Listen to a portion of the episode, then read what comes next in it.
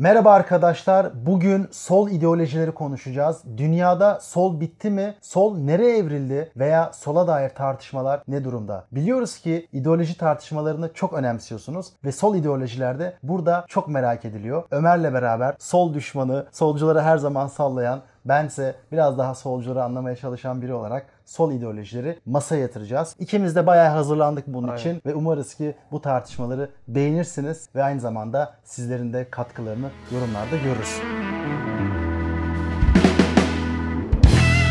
Nasılsın Ömer?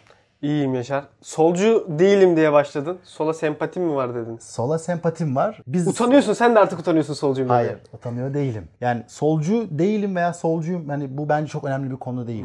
Tek dimension yok siyasette. Yani mesela küreselci misiniz, yerelci misiniz, ekonomik olarak Kompleksleşti diyorsun sen. da, ya çok daha kompleks bakmak gerekiyor. O yüzden insanlar sen solcu musun dediğinde bir dakika diyorum. Mesela bence insan iradesi önemli mi? Yoksa sen kolektivist değerleri mi daha önemli görüyorsun? Gibi tartışmalar kafamın içine döndüğü için insanlara ben solcu değilim veya solcuyum demek istemiyorum. Aferin sana. Ya Helal onların neyi kastettiğini anlamıyorum. Bu seride Yaşar çok geliştirdi kendini. Görüyorsunuz. Yani e, Eskiden solcuyum derdi şimdi Hayır demiyor. solcuyum şöyle çok klasik manada eğer mesela şu konuda solcu musun desen evet o konuda solcuyum derim ama mesela şu, şu konuda belki solcu değilim bilemezsin yani. Çok güzel. Bunları niye sordum? Çok aslında bugün konuşacağımız şeyle alakalı. Tabii. Çünkü aslında geleneksel anlamda sol sağ çok değişti. Çok kompleksleşti meseleler ve Evet. eksenler çok çeşitlendi. Çeşitlendi. Yani eskiden sadece tek bir eksen vardı gibi değil mi? Evet. Ekonomik anlamda ne kadar yeniden dağıtımcısın, ne kadar işçi haklarını savunuyorsun, sendikalaşmayı savunuyorsun, ne kadar piyasacısın. Evet. Buna göre insanlar ayrılıyordu.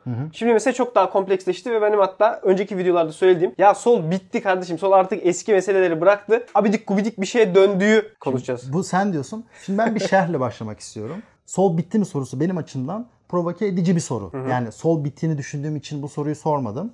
Çünkü bir adım geriye gidip şunu düşünüyorum. Sol bitti mi diyenler ya da sol işte itibarsızlaştı, sol artık insanların çıkarlarını temsil etmiyor diyenler genelde solu itibarsızlaştırmak için bunu söylüyor. Mesela Elon Musk'ın bir tweet'i vardı. Sol çok sola kaydı, sağcılar durduğu yerde. Mesela ben bu fikirlere çok katılmıyorum. Yani hatta bunları böyle solu daha da değersizleştirmek için veya solu böyle belli kimliklere sıkıştırmak için kullandıklarını düşünüyorum. Ama sol dönüşüyor. 1968'den beri işte kültürel tartışmalar içerisine giriyor. Küreselleşme geldi. Ülke içerisindeki eşitsizlikler var. Yeni tartışmalar sola giriyor. Göç gibi, hayvan hakları gibi. Veya eğitimli sınıf oluşuyor. Eğitimli sınıfla işte eğitimsiz sınıf arasında belli çatışmalar doğuyor. Veya solun bir krizde olduğu gerçeği var. Mesela Sovyetlerin yıkılmasından sonra. Şimdi beni kandıramazsın. Ben dersime iyi çalıştım. Sol bitti mi sorusu sol camia içinde de tartışılıyor. Tartışılıyor ama bu Evet. şu şekilde tartışılmıyor. Şu şekilde tartışılıyor. Nasıl tartışılıyor ben sana söyleyeyim. Elon Musk'ın dediği gibi tartışılmıyor ama. Tamam şöyle tartışılıyor. Çünkü ben biliyorum ki bizim bazı izleyicilerimiz bu soruya böyle yaklaşıyor. Hayır şu yüzden tartışılıyor. Bir meseleyi koyalım. Ben meseleyi koyayım. Hayır, ben Sen cevap ver. sana katılıyorum ben o dediğin noktalara ama ben ucubeleştirmek için bu tartışmanın yapılmaması gerektiğini Hayır yok yok. yok. Ben Anlamak sana, için yapmalı. ben sana şimdi bir resim koyayım. Bazı olgulardan bahsedeyim. Onun üzerinden tartışalım. Neden böyle oldu? Tabii Niye tabii böyle oldu? kesinlikle tartışalım. Olgular şunlar. Sol bitti mi sorusunu yazdığınız zaman, soruşturduğunuz zaman solun kendi içinde de tartışılan bir konu bu. Çünkü geleneksel sol Avrupa'da kan kaybediyor. Her yerde kan kaybediyor. Bakın örnek 1. İngiltere. İşçi Partisi tarihin en kötü sonucunu aldı. Boris Johnson'a karşı. Solun güçlü olduğu ülkelerden Fransa. Fransa Sosyalist Partisi yok oldu. Bak her zaman %20-30 bandında giden, her zaman en büyük 3 partiden biri olan Fransız Sosyalist Partisi son seçimde kaçıncı oldu? 5. 7. oldu herhalde. %3-4 gibi bir şey aldı. %3-4 gibi bir şey aldı. Bak Fransa'da gitti. Solun geleneksel olarak çok güçlü olduğu Almanya'da son Merkel gittikten sonra merkez sol iktidara geldi ama 2005'ten beri Almanya'da merkez solun oyu sürekli düşüyor. Yani son 50 yıllık sürece baktığımız zaman en düşük oylarını alıyorlar. Burada bir noktaya gireyim mi? Şimdi bir yandan bu dediklerine kesinlikle katılıyorum. Çünkü altta böyle daha yapısal dönüşümler var. Mesela Fransa'da Sosyalist Parti niye kaybetti? Aslında bunların ilk gitmemiz gereken 90'lar. Daha uzun da belki gidebiliriz ama 90'larda bir şey oldu. Ama bir dakika dur şunu diyorum ben yani. Şu tabloyu hemfikiriz değil mi? Bu olgu. Tabii. Her Ama- yerde merkez sol kan kaybediyor. Avrupa'da merkez sol kan kaybediyor ve solcu yazarlar şunu diyorlar. Avrupa'da merkez solun yok olması çok büyük bir tehlike Şimdi neden arz ediyor. diyorlar? Ben de ona gireceğim. Neden merkez sol oy kaybediyor veya insanlara eskisi kadar hitap etmiyor? İki nedenden ötürü. Birincisi 90'larda bir tartışma oldu. O zaman Parti Sosyalist yani Fransa'daki partide şunu dedi. Avrupa'ya karşı biz ne yapacağız? Entegrasyonu savunuyor muyuz? İngiltere'de de bu arada solun kan kaybedişinin sebebi buydu. Tony Blair ve Fransa'daki Parti Sosyalist dediler ki biz Avrupa Birliği'ne okeyiz. Avrupa Birliği'ni önemli buluyoruz. Küreselleşmeciyiz. Küreselleşmeyi kabul ettiler ve kan kaybetmeye başladılar. Neden? Çünkü senin tabanın işçi sınıfı. Küreselleşme gelince senden iş gidiyor, sanayi gidiyor, gelir Evet. azalıyor. E Bu ne oluyor? Sen aslında kendi tabanının çıkarına karşısında olan bir şey savunuyorsun. Evet. Birinci şey. Evet. İkinci şey sol gittikçe özellikle merkez sol batıda daha eğitimli sınıfın, şehirli sınıfın ve öğrenci hareketlerinin düşündüğü, önem verdiği, değer affettiği şeylerle birleşti. İşte ne bileyim e, cinsellik, işte göç, iklim, Cinsellik dediğin kimlik. kimlik yani cinsel kimlik tartışmaları, etnik kimlik tartışmaları, bunun gibi tartışmalar. İşte benim dediğim sol esas konusunu kaybetti dediğim şey bu. Klasik- Esas geleneksel konuları bırakıp e, kimlik siyasetine döndüler. Kimlik siyaseti ve daha çok eğitimle beraber özdeşleşen Bak konular. yeniden dağıtım siyaseti değil, kimliklerin tanınması siyasetine dönüş oldu. Bak bunu solcular da diyor. Ben de onu anlatıyorum zaten. Hani bu oldu. Dok- Oldu. Ama bu şimdi sadece şey değil ama bir yandan da küreselleşme de var. Çünkü küreselleşme doğrudan senin kendi işçi tabanının ne- negatif etkileri üreten bir süreç. Le Pen mesela neden bugün daha fazla işçi sınıfına hitap ediyor? Çünkü diyor ki iş gelsin. Trump mesela neden beyaz, öfkeli, işte işini kaybetmiş Amerikalılara seslenebiliyordu? Çünkü diyordu ki ben işçileri geri getireceğim. Dolayısıyla aslında burada bala- alakalı bir solun kendi tabanına bir uzaklaşma var. Bir de şu da oldu. 68 kuşağında da gençler özellikle bu öğrenci hareketlerinde aslında o klasik sol fikriyata karşı çıktılar. Çünkü Avrupa'dakiler baktı. Sovyetler çok özenilecek bir durum ortaya sunmuyordu. Yani yine böyle baskıcı bir rejim vardı. Yine mesela rasyonel bir devlet vardı ve senin yaşamını nasıl yaşaması gerektiğine karar veriyordu. Üçüncü olarak da hem Macaristan'da hem de Çekya'da oradaki hareketleri ezmesi Sovyetlerin büyük bir sorgulamaya yol açtı bu insanlarda. E bu 68'de işte Vietnam Savaşı karşıtı protestolarla falan birleşince biz daha böyle kimlik siyasetini falan asıl tomların orada atıldığını gördük. Çünkü Amerika'da da işte bu siyahi hareket güçlenmeye başladı, kadın hareketi güçlenmeye başlıyordu, LGBT hareketi güçlenmeye başlıyordu. Buna ekolojik hareketle etkilendi. Aslında 68'den beri gelen bir civil rights hareketleri vardı. Yani daha böyle hak temelli özgürlük Evet. hareketi. Bu cinselliği de falan da mesela içine aldı. Sonra 90'larda küreselleşme tartışmalarına gelince biz bugünkü sola geldik. Yeni sol. Kimlik siyasetine hapsolmuş bir sol. Bizim seninle kavgalarımız da şuradan çıkıyordu. Ben geleneksel solu düşünüp diyordum ki geleneksel sol özgürlükçü olamaz. Çünkü geleneksel sol devrimci. Evet. Devrimci ve diyor ki biz her şeyi kamulaştıracağız. Özel mülkiyet olamaz. Devlet çok güçlü vesaire vesaire. Geleneksel sol buydu. Ama yeni sol Daha özgürlük açısından bakıyor. evet başka bir hikayeye geçti. Başka bir hikaye geçiyor. Bu arada ben ilk dediğine biraz şerh koyacağım. Yani sosyalist açıdan baktığımızda zaten sol fikriyatın özü de özgürlük. Bunu hep seninle konuşuyoruz zaten. Hani geçme ya o ay bunu ben Nazizmin özü de özgürlüktür. Hayır. Onlar da Alman ulusuna özgürlük Hayır. yersen. Şu şundan bahsediyor. Yani insanlar siyasi ve ekonomik olarak özgür olmalı, eşit olmalı ki özgürlüğü tadabilsin. Yani bence o vurguyu vurmak önemli. İkinci noktaya geliyorum, pratik noktası. 1910'da 20'de sol argümanın özü eşitlik ama eşitliğin nihai hedef olmadığında söylüyorlar. Eşitliğin nihai hedef olmadığı, eşitlik geldikten sonra özgür olacaksınız diye de bir argümanları var. olmuyor. E, siyasi olarak olmadı. Şimdi bence burada biraz yine günümüzü anlamak için iki şey daha bakmak lazım. Sen diyorsun ya sol ideoloji bitti. Benim bu şey senden şunu anlıyorum. Devrimci ideoloji kayboldu. O devrimci şiddetle beraber işte bütün rejimi değiştirdiğin ve proletarya dik- diktatörlüğünü getirdiğin sol Bitti. kalmadı. O iyi Bu- bir şey. e, bu neden oldu? Demin bahsettiğim Sovyetler şeyinin iyi bir fikir olmadığını fark etmeleriyle oldu. Evet. İkinci e, Gramsci çok etkiledi solu. Baktılar ki şiddet kullanmak iyi değil ve bu kötü sonuçlara gidiyor. Gramsci ne diyordu? Sivil toplum, kamusal alanda etkin olalım, insanların fikirlerini değiştirelim. Çünkü diyor ki hegemonya yani iktidar sürekli insanlara bir değer seti yaratır. O değer seti de içinde olduğu iktidarı böyle sürekli meşrulaştırır. Biz de buna tersinde cevap verelim. Sosyalizmi böyle yayalım. Yani işte devrim yaparak değil de. Bu solda çok kabul gördü. Çünkü devrimci şiddet yerine alternatif bir siyaset yapma aracı oldu. Merkezleşmeleri de böyle oluyor. Bir de sosyal demokrasi bununla birleşti. O biraz daha hikayesi geriden geliyor. Ama bu dediğin zaten 90'lar öncesini anlatıyor. Yani Tabii, 90'lar öncesi sosyal demokratlar bunu savunarak güçlüydüler. Ama biz 90'lardan sonra artık sosyal demokratların yani merkez solun gittikçe güçsüzleştiğini görüyoruz. Katılıyorum. Bunu tam açıklamıyor. Ben sadece şeye geldim. 70'lere kadar sen şey iddian var ya devrimci şiddet niye kayboldu? Ha, o iyi bir şey zaten o- kayboldu. ya onu açıklıyorum ben. İşte bahsettiğimiz o 90'lardaki dönüşüm iyice kırılma olunca 68'deki civil rights üzerine 90'larda küreselleşme üzerine Sovyetlerin yıkımı sol böyle bir şey oldu. Bir zayıfladı. Ve Evet. gittikçe daha böyle e, şu an şu noktada eğitimli ve genelde böyle kültürel işçi sınıfının dertlerini parantez içerisinde Bıraktı. bırakan daha elitlere işte Aynen. daha böyle şehirde yaşayan genç seküler insanların dertlerine dert edilen bir ideoloji evrildi diye tartışılıyor. Ve dolayısıyla da kitlesini kaybetti. Eski kitlesini kaybetti. Eski kitlesini kaybedince aslında çok da ortalama seçmenin olmadığı bir gruba seslenmeye başladı. Yani medyan seçmen derler ya. Medyan seçmen kimdir bugün Batı Avrupa'da? Herhalde işte 2000-2500 liraya çalışan bir öğretmenleri mesela. Medyan seçmen şey olarak bakarsa sosyal konularda daha muhafazakarlığa ka- yatkın ama ekonomik olarak da dediğin gibi daha alt sınıfa yakın yani orta sınıf olan bir Evet, seçmen. evet. Yani aslında ekonomide yeniden dağıtımcı olmak gerekiyor. Çünkü orada ekmek var. Evet. Çünkü insanların önemli bir kısmı mesela bugün Fransa'da insanların önemli bir kısmı 2000 euro civarında maaş alıyor. Dolayısıyla yeniden dağıtımcı olacaksın. Ama sosyal konularda da o ortalama seçmen, o medyan seçmen daha doğrusu daha muhafazakar. O sosyal konuları biraz açmak lazım. Sosyal konu derken Sosyal neyi... konular Yani dediğimiz göç, iklim krizi Evet. ve cinsellik, Kimlik. kimlik, tartışmaları. Kimlik Bu, üç. Bu arada şimdi şuraya gelelim. Yeniden dağıtımcı olacaksın diyorsun ya.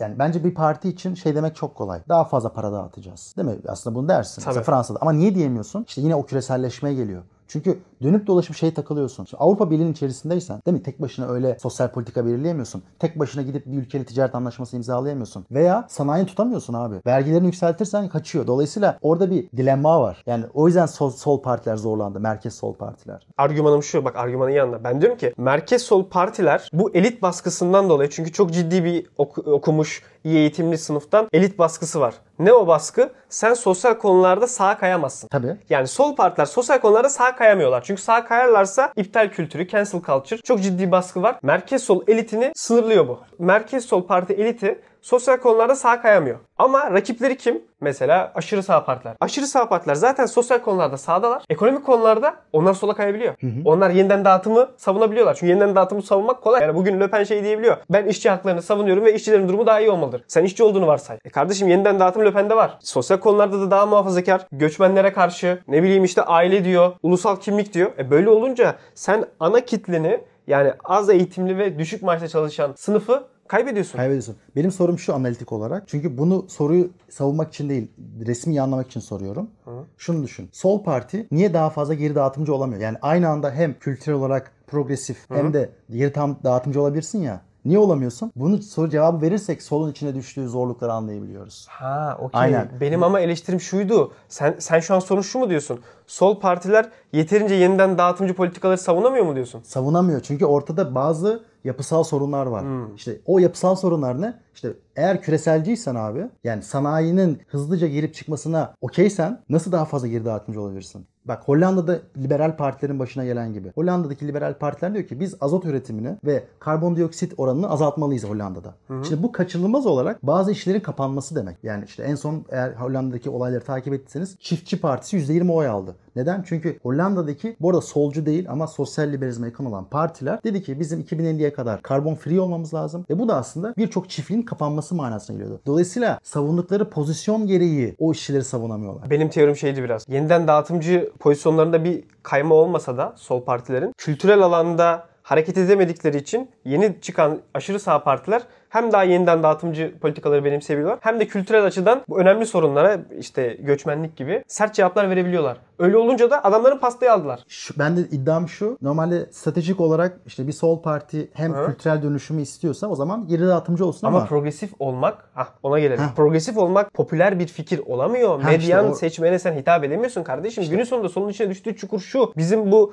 gençler de Twitter'da dalga geçiyorlar ya bununla. Yani günün sonunda uzaktan bakınca şöyle bir şey görüyor aslında insanlar. Ya bunlar garip bir kimlik siyasetini yok işte LGBT rights yok işte 30 tane gender var bir şey var. 7-24 bunu konuşuyorlar. Sanki bütün mesele bu olmuş gibi gözüküyor uzaktan. Bu da biraz meseleyi karikatürize de ediyor olabilir. karikatürize ediyor. Ama benim burada anlatmak istediğim işte şey gibi. Hani oradaki yapısal sorunları anlayalım. Yani sol şimdi sen iklim krizini savunuyorsun. Dolayısıyla diyorsun ki yeşil dönüşüm olmalı. Bu kaçınılmaz olarak araba vergisi olarak geliyor. Petrol vergisi olarak geliyor. Petrol Ekonomide vergisi de getirmek diyorsun. ekonomide de ekonomide atabileceğin adımları sınırlıyor. Dolayısıyla Le Pen mesela bugün en çok neye karşı? Diyor ki sizin arabalara getirdiğiniz yani benzine getirdiğiniz vergiyi ben kaldıracağım. Çünkü o insanlar özellikle işçi sınıfı şehirde yaşamıyor Anladım. etrafta yaşıyor ya da kırsalda yaşıyor. Şimdi dolayısıyla tam o sol aslında buna sol demek doğru değil. Çünkü bunlar sol mesela ben, benim aklıma sol deyince Melanchon geliyor. Birazdan ona da gireceğim. Çünkü buna alternatif bir sol da ortaya çıktı. Daha böyle sert ve ekonomi eşitsizliği falan daha fazla dile getiren ama bu aşırı sol diyorlar ona.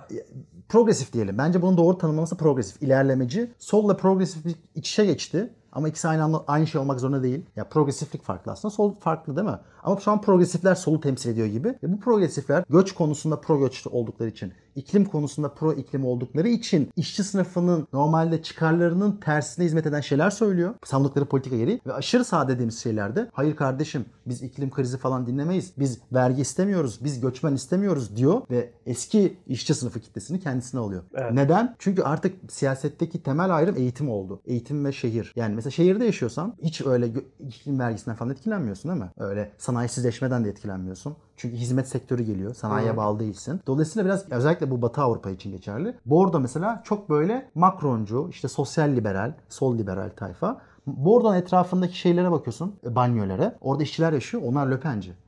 Çünkü şehirle kırsal arasında bir fark oluştu. Şehirde eğitimler yaşıyor, onlar iklim diyor, bisiklete biniyor, teknoloji geliyor. Küreselleşmenin kaymağını yiyorlar. Neden? Üniversite geliyor, nanoteknoloji geliyor, internet geliyor, Tamam. açılıyor. Ama kırsaldaki adam sanayisi gitti, işi gitti, parası azaldı, üzerine vergi getirdin, araba kullanamıyor. E, Tamam. Mesele şu işte. Şimdi bugün merkez sol partilerin kitlesi aynı anda hem iyi eğitim almış insanlar hem de düşük gelirliler. Di. Ya eskiden göçe gelirler. Şimdi bak eskiden şöyle Piketty'nin makalesi var ya. Aynen. Senin de konuştuğun. Piketty makalede şunu diyor. Eskiden solun kitlesi şuydu. Hem düşük eğitim hem de düşük gelir. Şimdi öyle değil diyor. Yüksek eğitim bir de düşük gelir. Bu- Bu, ikisi bir arada. Aynen öyle. Ama burada şöyle bir problem var. Yüksek eğitim aynı zamanda gelirsel olarak da seni orta sınıf ve üstüne sokuyor. Evet. Dolayısıyla aslında senin şu an kitlen çelişkili pozisyonları savunan kitle oluyor. Dolayısıyla da seni bu kitliyor. Yani bir yandan atıyorum o pro iklim olma dediğim meselelerden dolayı hani o yüksek eğitimli kitleyi temsil ediyorsun. Evet. Ama bu senin diğer kitlen düşük gelirliye zarar veriyor. Aynen öyle. Dolayısıyla bu çelişkiden dolayı da sol partiler hareket edemiyor. Hareket edemiyor. Ha işte tam bu. Özellikle klasik sol kitlendi. Kitlendi. Bu ikisi arası ikisine de oynuyor çünkü. Aynen. Dolayısıyla tam oynayamıyor da. Oynayamıyor. Bu Amerika'da biraz daha şöyle çözülüyor. İki parti var. İki parti olduğu için demokratlar bir yandan yanlarına azınlıkları aldı. İşte siyahları, Hispanikleri ki Hispaniklerin bir kısmı cumhuriyetçilere kaydı. O da başka böyle kompleksli bir hikaye var ama mesela Amer- demokratlarda da aynı hikaye var. Demokratların kitlesi şehirdeki fakirler. Urban poor dedikleri. Azınlıklar, siyahlar özellikle. Bir de eğitimliler. Karşı, bir de şehirliler. Karşılarında kim var? Cumhuriyetçiler, kırsalda yaşayanlar, az eğitimli beyazlar. Son 20-30 yılda gelir azalmış, eskiden sanayide çalışan fakat şu an Starbucks'ta çalışmak zorunda olan beyazlar. Trump seçmeni yani. Bir de zengin sınıfı. İşçi sınıfı. Bir de zengin ama az eğitimli olanlar. Trump gibi. Tam böyle bir ayrım var. Dolayısıyla şimdi Amerika'da bu hikayenin daha kolay olmasının sebebi iki parti olması. Ama Avrupa'ya gelince Avrupa'da da şöyle. Ben sana söyleyeyim mesela. İngiltere'de muhafazakar parti işçi partisinden daha işçi partisi. Yani işçilerin %20'si şu an işçi partisine veriyor. Geri kalanı muhafazakar partiye veriyor. tabii şimdi Londra aslında mesela yavaş yavaş işçi partisinin kalesi oluyor. Çünkü bahsettiğimiz Eğitimliler. eğitimli gençler orada. Komik bir şey bu yani. Bak Avrupa'daki sol partilerin esas kitlesi sağ partilere kaydı. Muhafazakar parti işçileri temsil eder oldu. Le Pen'de biz Ebu'yla konuşmuştuk. Goşo Löpenizm demişti bu sol Löpenciler. Senin bahsettiğin kitle aslında işini kaybeden, işte glo- küreselleşmeden zarar gören, dolayısıyla hem küreselleşme karşıtı hem Avrupa Birliği karşıtı. Bir de göç kitle. karşıtı yani. Bir de göç karşıtı. Zaten burada hikaye bence esas patlatan şey göç oldu. Göç kitledi solu. Bitirdi. Yani çünkü çok büyük bir sorun var ortalama insan için. Yani medyan seçmen için göç rezalet bir durum. Yani bugün bunu kabul etmek lazım. Yani burada aşil topu oldu solun bu. Sen pro göç olduğun sürece sağ partilerden dayak yemeye mahkumsun gibi bir durum Orada- var bence. Yani o işi çözemeyecekler. Bak Zizek kendisini radikal solcu olarak tanımlıyor. Bugünkü solla ilgili yaptığı en büyük eleştirilerden biri hem o kimlik siyasetine çok takılmaları yani 50 tane gender falan filan karikatürize ediyorlar artık diyor. Bohem bir sol var orada. Bohem Evet. böyle yani pleasure üzerine böyle haz, zevk, birey üzerine. Saçma sapan bir şey yapıyorlar diyor. Dalga geçiyor hatta. Bir de üstüne göçmen meselesinden kızıyor Zizek'te. Şimdi göçmen meselesi bence biraz daha böyle karmaşık bir mevzu. Karmaşık olmasının sebebi şu. Bir hikaye anlatayım belki şey gibi olur. Sana da söylemiştim. Tramvayda ben bir siyahiden saldırıya uğradım. Saldırıya uğradın. Aynen. Heh. Gece vakti tramvaya. E, Bu zaten Fransa'da biliyorsun çok sık olan bir şey. Para Aynen isterler ve ilk aynen. defa işte biri şi- fiziksel bir şiddet kullandı vesaire. Adamın görünüşe baksan aslında gayet böyle düzgün giyimli biriydi ama böyle bir şey oldu. Adam siyahiydi. Şimdi bunun anlatma sebebim şu. Bu insanı mesela ben sana söylüyorum işte siyahi birden dayak yedim. Mesela bunu Fransa'da söyleyebilir misin? Sol içerisinde. Söylersen böyle bir şey olur. Ne demek istiyorsun? Ne demek istiyorsun? Şimdi bu meselenin zor olmasının sebebi şimdi ben bunu söylediğim anda maalesef ki sağ bunu şey alacak. Siyahiler zaten böyle insanlar. Şimdi daha özcü bir yaklaşım. Aynen. Şimdi asıl mesele o değil. Asıl mesele şu. Bu insanlar mesela banyoda yaşıyor, ekonomik eşitsizliğe sahip, iyi şartlarda yaşamıyorlar. Mesela bunun gibi bir sürü Ama sebep günün var. sonunda ortalama seçmen bununla ilgilenmez. Ha, ilgilenmiyor ama şimdi bu zor bir mesele oluyor. Şimdi asıl mesele sen göç alıyorsun ama bunu adapte edemiyorsun. İş veremiyorsun. Bunu insanlar dışlanıyor. Dolayısıyla daha aslında yine ekonomik, sosyolojik sebepler var. Fakat bunun tartışması nasıl oluyor? Dediğin gibi daha böyle siyahiler geliyor, hırsızlık yapıyor vesaire. Ve gerçekten de oluyor. Belli banliyölere girdiğin zaman korkuyorsun. Belli banliyöre girdiğin zaman korkmuyorsun. E bunun sebebi var yani göçmen banliyölerinde daha riskli işler. Ya bu biraz istatistik. Ama şunun altını çizeyim. Bunun sebebi bu insanların doğuştan suça meyilli olması değil. Şartların böyle olması ama şimdi sol bunu konuşmaktan çekiniyor işte. Özellikle Tabii. batıda. Hani Çünkü faşist diyorlar. ya da şey gibi oluyor. Bak demin ben de başlarken dedim ya. Böyle dog whistling denen bir kelime var. Yani bunu sen anlatmaya başladığında birileri hemen onu başka yere çekiyor. Ya sen şunu demek istiyorsun aslında. Kamuoyu baskısı var sol camiada onu diyorum ben. Sağda şey yapıyor ama. Bak işte siz bize siz de demiştik bu insanlar zaten bize zararlı diye. Ama esas solu bence kitleyen burada bu progresif aktivistler dediğimiz bir grup var ya Twitter'da da bunlar çok canlılar. Twitter'da çok etkiliyorlar. Bunlar sen onların hoşuna gitmeyen bir şey söylediğin anda seni linç etmeye başlıyorlar. Bu çok ciddi bir baskı. Doğru. Ee, ifade özgürlüğünü zayıflatan. İfade özgürlüğünü zayıflatan böyle bir iklim var. Bak bu size ABD'de daha fazla bu. arada. ABD'de inanılmaz. Zizek şey gibi anlatıyor. Bu Amerika'da var ya beyaz Anglo-Sakson protestan Amerikalı. Şimdi sen bundan ne kadar uzaktaysan kendi kimliğini o kadar ifade edebiliyorsun. Yani diyebiliyorsun ki ben siyahiyim, ben Hispanikim. Bunda bir sorun yok. Ama sen ne zaman dersen ki ya ben beyaz protestan Amerikalıyım o zaman sana faşist diyorlar diyor. Yani Amerika'da böyle bir iklim oluştu. Yani sen eğer beyaz Amerikalıysan utanman lazım. Kimliğini ifade edemezsin. Hep şey yapman lazım. Ya bizim işte geçmişimizde böyle sıkıntılar var. Biz ezdik sizi şöyle yaptık. Bu sağlıksız bir noktaya götürdü işi bence de. Yani şu an Amerika'da özellikle Amerika'da yaşayan arkadaşlar hep anlatırlar. Tabii üniversitelerde konuşamadıklarını. Üniversitede kimse konuşamıyor. Şu an Amerika'da bir politik doğruculuk distopyası yaratıldı. Sana işte şey dedi mesela. Deydem demedi. Unuttu falan. İşten atılıyorsun. Şey oldu yakın zamanda Ermeni meselesini tartışmaya bir tane bir hoca sınıfta debate yaptıracakmış. Yani soykırım var yok debate'i. Ermeniler çıldırdı. Bu dersi iptal ettireceğiz. Bu hoca gidecek buradan. Yani orada çok garip bir linç kültürü oldu. Politik doğruculuktan beslenen. Bugün insanların Amerika'da önemli bir kısmı ben kendi düşündüğüm, gerçekten düşündüğüm şeyi ifade edersem baskı görürüm. Beni işten atarlar veya beni bulunduğum ortamdan uzaklaştırırlar diye korkuyorum diyor. Yani bugün Amerika'daki insanlar kendi fikirlerini ifade edemez oldular. Dolayısıyla şu an Amerika'da şey tartışması var çok ciddi. Oradaki sola karşı. Ya burada bir ifade özgürlüğünü sınırlayan bir iklim oluşturdular. Evet. Yani solcular ifade özgürlüğünü sınırlandırıyor İşte bak Amerika'da. Şu burada- an böyle bir kavga çıktı. Buna işte sol demek bence bu arada şey. Ama yani sol diyorlar. sol Progresif diyorlar. sol diyorlar. Ha, progresif demek bence daha iyi. Hani sol ben demin de söylemiştim yani progresifle sol farklı. Bunlar progresif genelde. Ama progressive left diye yani beraber kullanıyorlar. Katılıyorum ama hani left deyince şey gibi yani progresif aslında kültürel konularda progresif ama mesela liberal de olabilir. Ee, kavramlar şey anlamda. Progresif left genelde iç içe geçmiş durumda ama progresiflerin Pro- birçoğu aslında progresif liberal. Yani liberal aslında market anlamında. evet evet Amerika'da çünkü sol farklı. Aynen Evet, sol aslında bizim liberallere denk geliyor. Aynen. Liberal sol oluyor orası. Aynen. Aynen. Amerika'daki o ifade özgürlüğünün baskılanmış şeyini alıp Türkiye'ye uyarlamaya çalışıyor. Türkiye'de yok canım. Türkiye'de de abi solcular bunu yapıyor falan. Ben Türkiye'de tersinin olduğunu düşünüyorum. Türkiye'de yok. Avrupa'da var mı? Avrupa'da o kadar gelmedi. Avrupa'da Almanya'da biraz var diye biliyorum. Almanya'da ama Almanya'da mesela Fransa var. falan buna çok ciddi direniyor. Hatta Fransa'da şey biz Amerika olmayacağız falan tartışmaları var. Seviyorum ben Fransa'nın Aynen. o özelliğini. Kendi şeyini ama mesela ben Türkiye'de şimdi şey görüyorum bizim özellikle böyle daha milliyetçiliğe yakın, daha böyle muhafazakarlığa yakın gençlerde Amerika'da böyle diye Türkiye'de de böyle bir sol terör estiriliyor diye bir varsayımlar var. Bence Türkiye'de tam tersi. Türkiye'de Onun sebebi güçsüz olmaları. iklim- tabii güçsüz, Güçlü olması. olsa yapar kardeşim Aynen. ben sana söyleyeyim yani. Yani Amerika'da da bu tartışma yapılıyor ya. Siz ifade özgürlüğüne karşısınız diye sol suçlanıyor ya. Aşırı muhafazakar Trump seçmeni çok güçlü olsa Onlar da onu yapacak. onlar da onu yapar. Türkiye'de de bence iklim milliyetçilikten ve işte buna dair daha radikal fikirlerden yani onlar da yani baskılıyor. Yani şey Güçlü olan saldırı- yapıyor. İşte güçlü olan yapıyor. Dolayısıyla biraz burada şey de var. Özel bir şey yok. Makyavelist de bir şey var yani. Hani zaten güç var. Güç Aynen. mücadelesi var. Senin fikrini baskılıyor. Ya özel bir fark yok ama gruplar arasında. O biraz garip. Tabii. Yani çünkü şunu beklersin değil mi? Yani ön yargılı bir insan olarak dersin ki aşırı muhafazakar Trump seçmeni daha anti ifade özgürlükçüdür. Ama garip bir şekilde solun en solundaki o en progresif aktivistler onlar da ifade özgürlüğü Evet. karşısında oluyor aslında. Dolayısıyla bence hani iki grupta da var bu. Bir yandan da ama mesela sol özellikle 80-90'dan sonra aslında can veren başka akımlar oldu. Bunlardan biri Yeşillerdi. Mesela Yeşiller Avrupa'da falan çok etkin. Ama onlar oyu şeyden alıyorlar. Merkez soldan alıyorlar. İşte merkez, solu merkez sol, çaldılar işte merkez sol oraya gitti biraz. Birkaç sebebi de şu. Dedim ya otorite düşmanlığı var. Yani otoriteye karşı bir negatif bir kimliklenme var. Daha bireyci yeşiller. Biraz aslında bence mesela Melanchon tipi daha sert solculardan farkı bu. Mesela Melanchon'da hala şey hissiyatı alıyorsun. Sendikacı, hiyerarşi var Proletarya diktatörlüğünü getirecek gibi. gibi. Ama liberaller şimdi benim gibi insanlar. Yani yeşilciler. Sen de biraz şey yakınsın. Yani Proletarya diktatörlüğüne fe- göz ben, kırpıyor ben gibisin. aradayım. Aradayım ben. O yüzden beni, Sana bir ev aldırırsak kendi paranla liberalleşeceksin. yani bana şey, Sen mülksüzlük seni biraz şeye itiyor. Mülk- bu arada mülksüzlük en önemli göstergelerden biri. Sola yakın olup olmadığına dair. Kardeşim bu dünya yakarsa garipler yakacak. Aynen.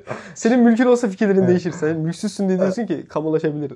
İşte tabii kardeşim mülküm yok. Paran yok zaten.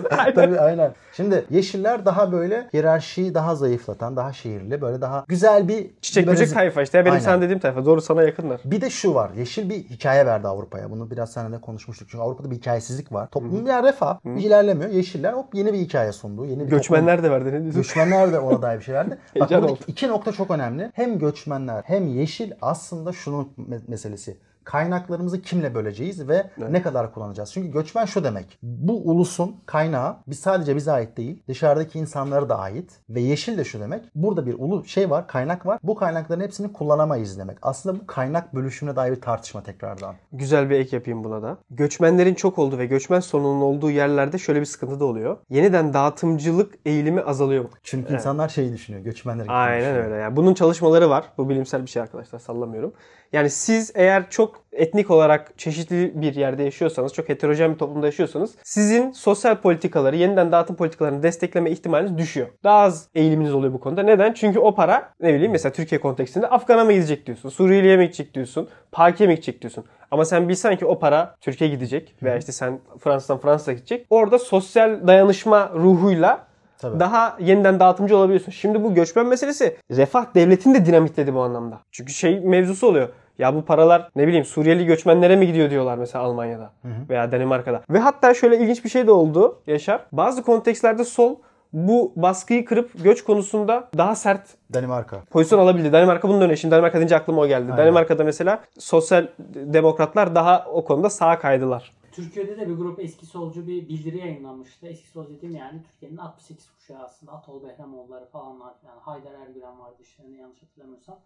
Ve yayınladıkları bildirinin özetinde işte hani ülkemde Afgan istemiyorum e, minvalinde bir şeydi mesela. Solun çıkışı bu kanka ben sana söyleyeyim bak. Ben uzaktan söyleyeyim yorumumu yapayım. Solun çıkışı sosyal konularda biraz sağa kaymak. Başka türlü bu çözülmez. Şöyle mesela Bu şimdi sorunu çözemezsin başka. Solu tamamen de bitirmeyelim çünkü aslında sol bitti demek doğru değil bence. Aslında bence bir saat Ölüyor. istediğimiz yok ölüyor da değil. Sol kabuk Hasta adam. değiştiriyor. Kabuk, kabuk değiştiriyor. Yani bunu anlamak lazım. Çünkü sol bitiyor deyince ben yine o pe- böyle onu itibarsızlaştırmak için kullanıyorlar. Yo ben solun e, önemli bir denge unsuru olduğunu düşünüyorum. Keşke sosyal demokratlar güçlü olsa. Hayır. O bir dengedir sistemde. Ya zaten sol şuna kaydı. Yeşillere, sosyal liberallere ve Melanchon tarzı ya da Bernie Sanders tarzı ya da Türkiye'de şu an tip tarzı daha böyle eşitsizlik üzerinden gelen, sendika vurgusu olan, biraz Stalin dönemine de böyle göz kırpan yani şey anlamda hissiyat olarak Dağıldı diyorsun sen yani, Yani parçalandı. fa- fark, çünkü hepsinin aslında temelinde hangi soruya ne cevap verdiği var. Mesela tip tarzı solun liberallerden, yeşilden farkı ne? Dayanışma vurgusu çok fazla. Sendika vurgusu var. Değer vurgusu Daha var. otoriterlik eğilimi var. Otoriterlik değil ama kolektivist diyelim. Biri daha bireyci. Yani yeşiller, liberaller daha bireyci. Her anlamda böyle bir cleavage var, bir kırılma var solun içerisinde. Parçalanma. Ama şimdi yavaş yavaş bence bir döngü oldu. O da eşitsizliğin çok artması dünyada. Türkiye'de, Amerika'da, Fransa'da, Avrupa'da biraz daha dengeli ama mesela Amerika'da bir Bernie Sanders faktörü var. Böyle ekonomik eşitsizliğe daha fazla vurgu veren ve senin dediğin gibi sosyal meselelerde o kadar da konuşmuyor. Yani şey diyor, Aynen. tamam hani siyahiler önemli falan diyor ama tutup şey de demiyor, cancel culture'dan bahsetmiyor. Yani insanları rahatsız edici derecede de konuşmuyor. Melanchon da öyle mesela. Hani tamam solcu tutup ama o kadar da LGBT rights demiyor Aynen. meselesi ekonomi. Bence Türkiye'de biraz tip de öyle. Mesela biraz Kürt hareketi konusunda hani konuşuyor ama ana meselesi haline getirmiyor. Ekonomik eşitsizlik diyor. Ya ev sorunu diyor. Oraya gitmek lazım. Aynen. ha. Çünkü o Oraya daha oynamak. insanlara hitap eden bir noktada. Şöyle bence sol içerisinde bence bir eksiklik şu oldu. Yani dayanışma vurgusunun Halktan koptu lazım. kardeşim. Halktan koptu. Halktan. Hey halka geri dönün. Sol partiler. Size sesleniyorum. Bence- Bana sol düşmanı diyorsun. Ben böyle öneri verir miyim sol düşman olsam? Şu solun bence ihtiyaç duyduğu şey çok bireyselci bir nokta. Bireyselci dememin sebebi şu. Haz vurgusu, birey vurgusu, özgürlük vurgusu çok arttı. Cambridge'liler rezil etti ideolojiyi. Öyle diyelim. Yani işin Şöyle. özü bu. Şöyle. Boğaziçi, Cambridge tayfayı dinlemeyeceksin. Halka ses vereceksin. Yok dinleyebilirsin bence. Ama dayanışma vurgusunun daha çok olması lazım. Kesinlikle. Yani çünkü mesela bugün insanlara soruyorsun en çok ne istiyorsun diye dayanışma diyor. Ve şunu da diyorlar bu arada. Son zamanlarda eşitsizliğin bu kadar artması ve artmaya devam etmesinin sebeplerinden biri de aslında merkez solun yok olması. Yani merkez sol güçlü olabilseydi Dengeleyici muhtemelen dengeleyici bir kuvvet olacaktı ve daha iyi bir topluma sahip olacaktık. Yani şey anlatıyorlar aslında bu Av- Avrupa'nın altın çağı var ya 2. Dünya Savaşı sonrası. Avrupa'nın tarihindeki en büyük büyümelerin gerçekleştiği dönem. Bu dönem aynı zamanda merkez solun çok güçlü olduğu ve yeniden dağıtımcı refah devletlerinin oluştuğu dönem. Bir de bak şunu da söyleyeyim. Yani sağ medyada, sağ ideolojide seni hep buradan vuruyor. Seni karikatürleştiriyor. Yani onu da söyleyeyim yani. Bence karikatürize bir durum var ama. Ben Yani- Amerika'da karikatürize bir durum olduğunu düşünüyorum. Amerika'daki biraz karikatürize Yani ama oğlum, gereğinden fazla bir karikatürize durumu var. Komik oğlum orada yaşananlar. Yani çünkü tüm söylem bu değil aslında. Sen Bernie Onun, Sanders onun sebebi şu ama bak şöyle analiz ediyorlar. Amerika'da bu bahsettiğimiz progresif, e, aşırı sol diyebileceğimiz Amerika kontekstinde kontekstindeki grup aslında sadece insanların %8'iymiş. Yani insanları böyle ayrıldıkları zaman gruplara Evet. %8 civarı diyorlar bu gruba. Sesi daha çok çıkıyor. Ama bunların sesi inanılmaz çıkıyor ve orayı domine ediyorlar. Şu da var. Bak sesi çok çıkıyor. Sağdakiler de hep ona cevap veriyor. Aynen. Yani Amerika kontekstinde şöyle bir gariplik var. Bu bahsettiğimiz sol Demokrat Parti'yi de domine etmiyor aslında. Evet. Yani Biden seçildi neticede. ama, Ama Biden bu arada oluyorsa- yakınsıyor. Biraz şey yaptı. Ama Biden şey gibi tanımlıyorlar. Daha merkezi tanımlıyorlar. Merkez Sayfanın ama- uzağında tanımlıyorlar. Şöyle de oldu. Devleti de biraz geri getirdi. İşte son 4, mil, 4 trilyon Yok yok o kısmı demiyorum. Ee, progresif kısmı diyorum. Yani kültürel konulardaki pozisyon diyorum. Tabii Biden daha şey canım. Center. Onu yani. kastettim. Evet, kültürel konularda bu aşırı progresif solun dışında bir adam. Yani Demokrat Parti bunlar yönetmiyorlar. Ama nasıl oluyorsa Amerika'da elit düzeyde çok ciddi bir baskı güçleri var. Yani Twitter üzerinde çok ciddi baskı güçleri var. Zaten Elon Musk'la ciddi kavga ettiler vesaire. Yani tabii kontekstler değişiyor. Türkiye'de böyle bir şey yok. Türkiye ile kapatalım. Ya ama ben şundan rahatsızım onu da Neyden söyleyeyim. rahatsızsın? Twitter'da ve bizim bazı YouTube yorumlarına görüyorum. Kafalarında böyle bir Amerika öcüsü yaratmışlar. Vogue, SJV. Ne buldularsa, hangi fikri beğenmedilerse öyle değerlendiriyorlar. Ya biri mesela hafif böyle Türk milliyetçiliğine dair bir tartışma açıyor. Ne bileyim Türkiye'deki baskıcı ortama dair bir şey söylüyor. Ya da kadınlara dair bir şey söylüyor. Feminizme dair. Sen SJV misin? Vogue musun? Bu ne? Ya böyle bir şey yok arkadaşlar. Yani insanların tabii ki bazı progresif değerleri olacak. Bunları savunacak. Bunları illa böyle öcüleştirmeyin. Biz Amerika'da yaşamıyoruz. Amerika'daki tartışmaları böyle direkt buraya almayın. Karşı tarafta sen de faşistsin diyor yani. Herkes yapıyor bunu. Ben demiyorum. Kardeşim sen adamsın. Hayır, sen hayır, sen hayır. farklısın ama Hayır, hayır. yani bu bunu kurtaramayacağız bence. Anlıyorum sen dediğini ama. sadece şey gibi yani böyle bir hafif muhafazakarlığa meyilli olan çocuklar direkt böyle farklı bir fikir görünce Bunu yapma. Bunu herkesin yapmaması lazım. Evet, Bunu solcular da yapmayacak. Solcular da her gördüğünde faşist demeyecek. Her ben Türk'üm diyene faşist demeyeceksin. Şimdi aynı şey. Bunu herkes yapıyor. Bunu kimse yapmasın. Dinlemek lazım karşıyı ve dediğin çok doğru. Bunlar bizim tartışmalarımız değil aslında. Çok Amerika'daki olan şeyleri aldılar. Sanki Türkiye'de de böyle bir iklim varmış gibi yaptılar. Ama şu şerhi de koy. Seni ben biliyorum. İnsanlar da bilsin. Yaşar Vokçu değildir aslında. aynen. Vokçu değildir. Yo ben ama şeyim Woke'cu yani. değilsin, sen de Woke- rahatsızsın. woke değilim ama hani progresif şey yakınım yani Türkiye'de. Progresifliğe yakınsın. hani- Ama Vok değilsin. Bak Vok ayrı bir şey. Tabii o başka bir şey. Ama öyle bir öcü de yok yani. İnsanlar sanki böyle bir öcü varmış gibi Amerika'da davranıyor. var sanki. Amerika'da var, Türkiye'de yok. Türkiye'de yok. Türkiye'de de bence e, etkin bir sol partiye ihtiyaç var. Şey anlamda biraz dengeleme unsuru olarak. Ya Türkiye'de sol sağ meselesi çok karışık. Ben Türkiye kısmında onu diyecektim. Yani Türkiye'de mesela CHP bazı zamanlar sol gerçekten diye, ama her zaman sol diyebiliyor musun? Baykal CHP'si ne kadar soldu falan bilmiyorum. Yani Türkiye'deki bu sağ sol da o da biraz bana ithal geliyor. Yani Türkiye'de de tam oturmuyor. Yani o ekonomik eksenden baktığın zaman mesela Türkiye'deki sağ partiler geleneksel olarak yeniden dağıtıma o kadar da karşı değillerdi zaten. Ve hatta kitlesel olarak bak yani hangi tabana oynuyorlar. Türkiye'de sağ partiler daha çok düşük eğitimli ve düşük gelirliye oynuyordu. Hala öyle. Dolayısıyla o yurt dışındaki eksenler bizde tam olarak yok. Yani o sağ sol tartışması Türkiye'de biraz garip oluyor. Biraz fazla ithal oluyor bence. Yani bizde aslında çoğu parti yeniden dağıtım ve sosyal politikalar konusunda anlaşabiliyorlar gibi geliyor bana. Bence anlaşmaların sebebi ana eksenin olmaması. Yani ana eksen piyasacılık Türkiye'de. Her aşağı yukarı her parti işte Adalet Kalkınma Partisi'nden tut Cumhuriyet Halk Partisi'ne Tip hariç. tip ve HDP biraz orada farklı bir konumda duruyor. İyi Parti falan yani o merkezdeki bütün siyasetçiler piyasacılıkta anlaşıyor. Üzerine şey var tabii sosyal refah. Ama sosyal refah boyutu yani AK Parti'nin biraz daha böyle muhafazakarlıkla taçlandırılmış bir sosyal refah. CHP son dönemde beraber daha feminist falan filan onu kattılar araya. Ama ana eksen Türkiye'de bence devlet. Devlette olan mesafen. O seni solcu veya sağcı yapıyor. Yani biraz daha devlete eleştirel pozisyondan bakıyorsan ki mesela HDP'yi sol yapan şey bu aslında. Devletle kurduğu eleştirel ilişki. Tipi de sol yapan bu artı ekonomik Ekonomi. şey. Evet. Tip ikisini de şey yapıyor. Mesela İyi Parti'ye sen yani biz niye sağ diyoruz? Biraz milliyetçilik, biraz devletçilik. Cumhuriyet Halk Partisi de aslında O yüzden sağydı. Sağydı. Şimdi Kılıçdaroğlu ile beraber biraz daha başka bir pozisyona gitti Evet. vesaire. Ya biraz garip oluyor. Türkiye'ye uygulamaya çalıştığınız zaman bence soru işaretleri var diyelim ve kapatalım. Ee, Umarım beğenmişsinizdir. Birçok şeyi konuştuk. Yani sola dair, dünya solu, en son biraz Türkiye soluna bağladık. Göç, iklim. Ee, bence şunu şöyle bitireyim. Hakikaten dünyada birçok şey oluyor arkadaşlar ve bu tartışmalara böyle tek pencereden ya da işte tek cevap, kısa cevaplarla bakmaya çalışmayın. Hakikaten uzun dönüşümlerin, sosyolojik, iktisadi, politik dönüşümlerin bir sonucu. Buna dair umarım daha fazla video çekeriz ileride. İdeolojiler yeni sağ ve yeni sola dair. Benim bu konuda ilgilenmemin sebebi şu, bizi ilgilendiriyor. Yani bizim çağımızın sorunları bunlar olacak. O Ben yüzden. de bir ekleme yapacağım. Sen bana sol düşmanı dedin video başında.